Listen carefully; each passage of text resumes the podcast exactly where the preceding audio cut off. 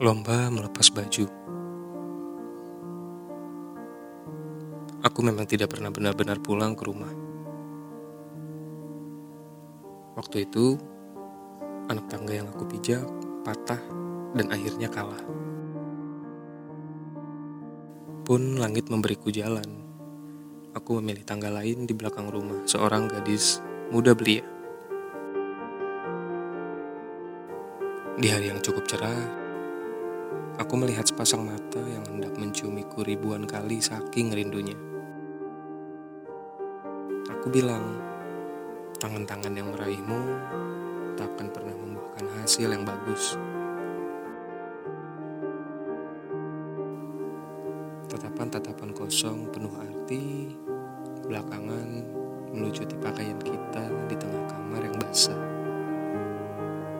Tatapan kamu dan sebuah lencana masa depan yang aku sematkan di kerah kemeja beberapa jam yang lalu.